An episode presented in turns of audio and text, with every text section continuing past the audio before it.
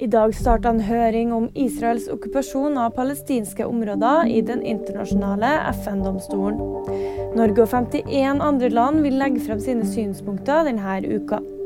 Ifølge folkerettsekspert Cecilie Hellestveit har saken stor betydning både rettslig og politisk for Palestina framover.